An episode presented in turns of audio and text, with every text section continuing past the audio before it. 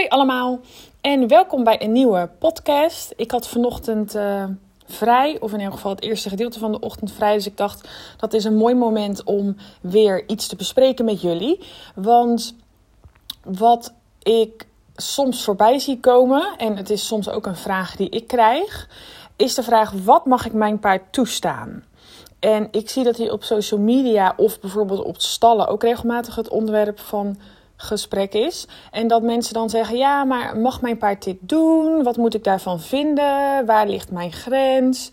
Um, wat vind ik acceptabel? Mijn stalgenootje die doet het bijvoorbeeld zo en zo. Of mijn instructeur die zei dit of dat. En dat er een soort van twijfel ontstaat over wat mag ik mijn paard nu wel toelaten of toestaan en wat niet. En wat is daarin een bepaalde norm? En het antwoord op die vraag is dat het eigenlijk helemaal niks uitmaakt. Je mag zelf bepalen, ik, jij, we mogen zelf bepalen wat we ons paard wel of niet toestaan. Want dat, is namelijk heel persoonlijk. Het hele proces van natuurlijk samenwerken, samenleven met je paard is heel persoonlijk. Uh, die relatie is heel persoonlijk. Dus eigenlijk maakt het niet zoveel uit wat jij je paard wel of niet toestaat. Zolang jij maar weet wat jouw grenzen zijn en wat jij belangrijk vindt. Je hoeft natuurlijk aan niemand verantwoording af te leggen, behalve dan natuurlijk aan jezelf en aan je paard. Dus je hoeft je in die zin ook niets aan te trekken van wat andere mensen daarvan vinden op stal, wat andere mensen daarvan vinden op social media. Ehm, het enigste belangrijke is dat jij weet en bepaalt van dat is waar ik met mijn paard naartoe wil. Dat is wat ik belangrijk vind en daar past dit of dit past daar wel bij en dat of dat past daar niet bij. ik sta waarschijnlijk dingen toe die jij misschien niet zou toestaan bij je paard of omgekeerd kan dat natuurlijk ook. En het verschil daartussen is dat ik mijn regels bepaal en jij mag jouw regels bepalen. Maar misschien denk je nu van, ja, lekker weer zo'n antwoord waar ik eigenlijk niks mee kan. Uh, in de zin van, nou ja, hey, je moet het helemaal zelf, je moet er zelf over na gaan denken, je moet het zelf bepalen. Um, en dan is er wel een soort van vuistregel um, die ik eigenlijk altijd tegen mijn studenten vertel als het over dit onderwerp gaat.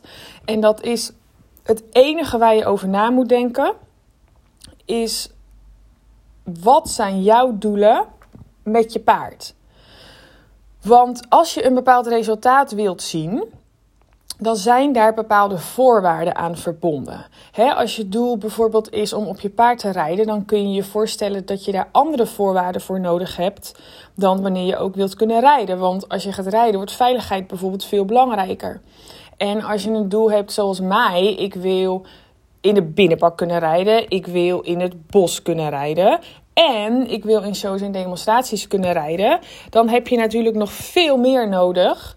Wil je ervoor zorgen dat het nog steeds veilig is en dat het ook nog steeds leuk is om dat samen te kunnen doen.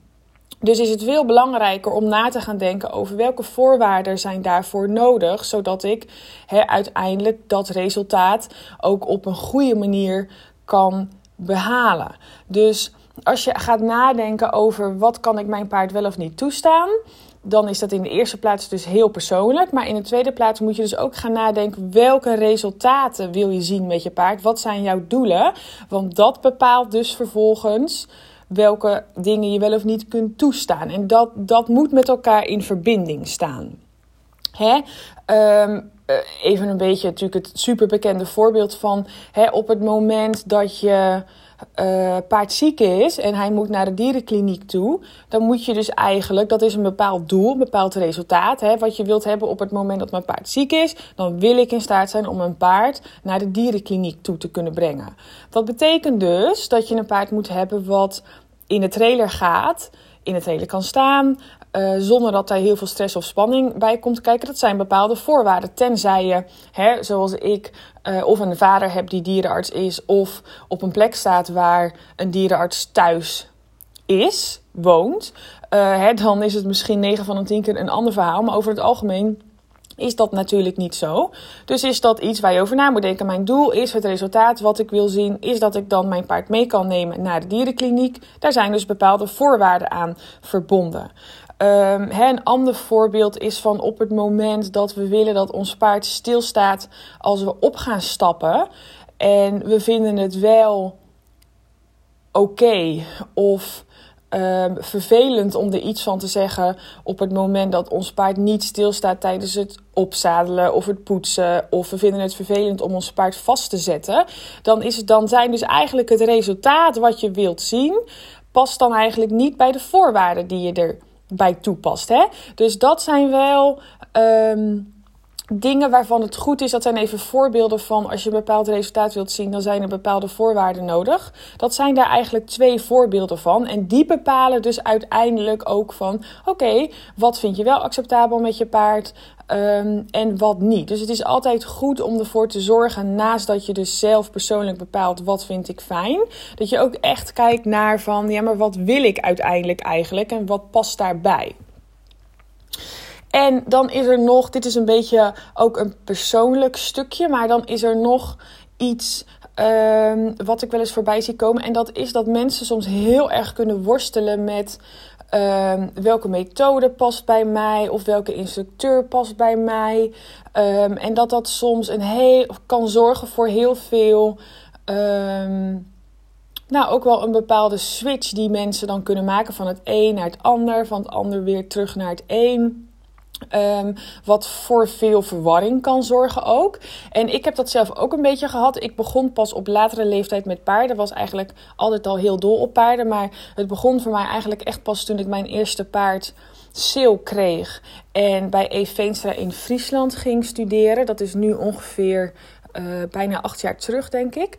Um, en voor mij was het in het begin heel moeilijk om mijn eigen weg daarin te vinden. Want ik wist eigenlijk nog helemaal niks van paarden.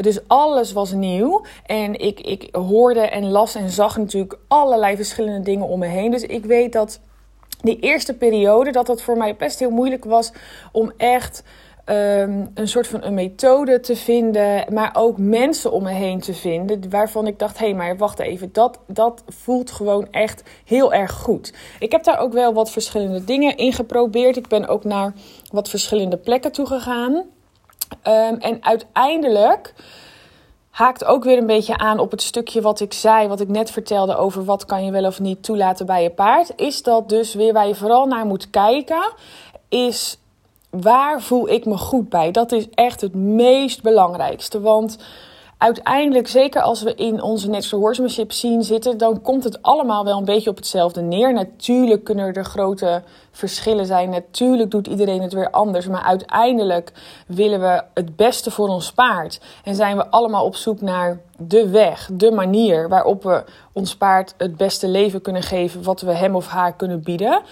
Dus de intentie is overal wel hetzelfde. En dan komt het er dus vooral op neer dat je een instructeur of een methode moet gaan vinden waarvan jij een soort van het gevoel hebt van: hé, hey, maar dit klopt. Dit voelt gewoon zo goed dat moet wel iets zijn waar ik verder in moet. En op het moment dat je dat doet, dan gaat het dus eigenlijk ook nooit mis.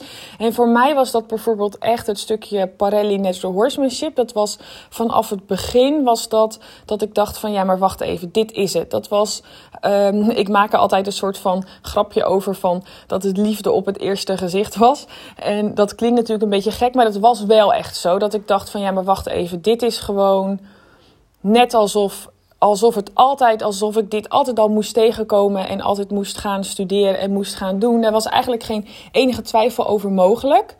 En toen vervolgens was het natuurlijk nog heel erg zoeken naar van ja, maar welke instructeurs passen dan bij mij? Welke visie past bij mij? En het is heel goed om verschillende instructeurs te hebben. Het is heel goed om een beetje daarin te onderzoeken ook. Um, maar uiteindelijk is het ook heel belangrijk dat je een paar mensen vindt waarvan je denkt: ja, maar daar kan ik echt bij, bij aanhaken. En dat worden een soort van mentors voor het leven. Omdat het uiteindelijk ook belangrijk is dat je je eigen weg gaat volgen en daar ook op blijft. Want op het moment dat je constant blijft switchen, dan doe je van alles een beetje en niks echt goed. En dan wordt het ook niet echt iets van jezelf. En uiteindelijk moet je een soort van weg vinden wat. Of moet je, maar hè, heb ik ontdekt dat het voor mij wel echt zo is dat hoe, hoe meer ik leer, hoe verder ik kom, hoe zekerder ik eigenlijk word van mijn eigen pad. Um, en hè, even twee voorbeelden. Mensen die voor mij echt mentors, voor zover ik nu kan bepalen, voor het leven zijn. Ehm, dat zijn Michael Wanzari, dat is een vijfsterren Parelli-instructeur in Zwitserland. Waar ik eigenlijk vanaf het eerste moment dat ik hem ontmoette en met zijn paarden zag spelen, dat ik dacht van ja, maar dit is gewoon uh, dit, dit past 100% bij mij. En dan niet alleen bij mijn visie, maar ook bij mij als persoon. Dus hoe ik ben en um, hoe ik tegen de dingen aankijk. Hè, welke haast ook soms, welke soort humor waar ik van hou. Um, dus het matcht dan niet alleen aan de buitenkant van: oké, maar welke visie heb ik over paarden en wat past daarbij. Maar het past ook bij jou als persoon. Dat is dus ook heel belangrijk dat je een instructeur of een methode vindt waarvan je denkt: ja, maar dat past ook bij mij als persoon hoe ik ben. En een tweede mentor voor mij, dat is eigenlijk, dat is pas sinds een half jaar zo. Sinds een half jaar werk ik uh, bij familie van de Schaft, bij Rien, Inge en Romy van de Schaft op stal met de jonge paarden.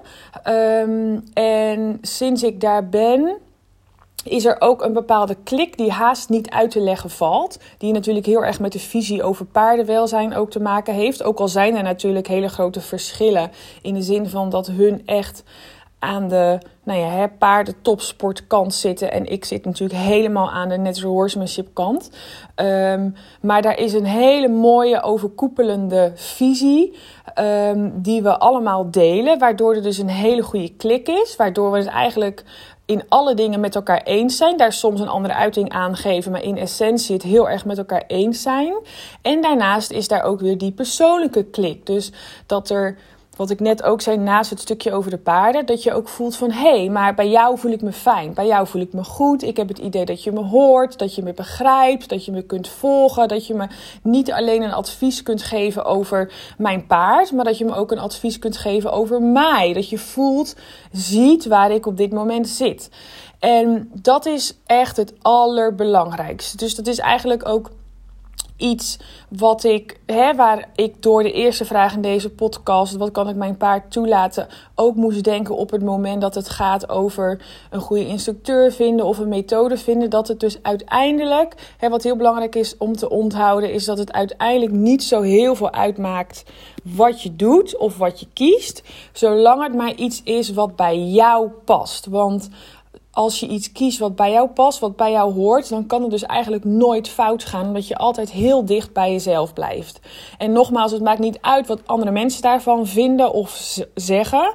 Um, want hun zijn jou niet. Hè? Dus blijf daarin gewoon lekker je eigen weg volgen, je eigen dingen doen. En dan um, doe je precies wat je moet doen en ben je ook precies waar je moet zijn.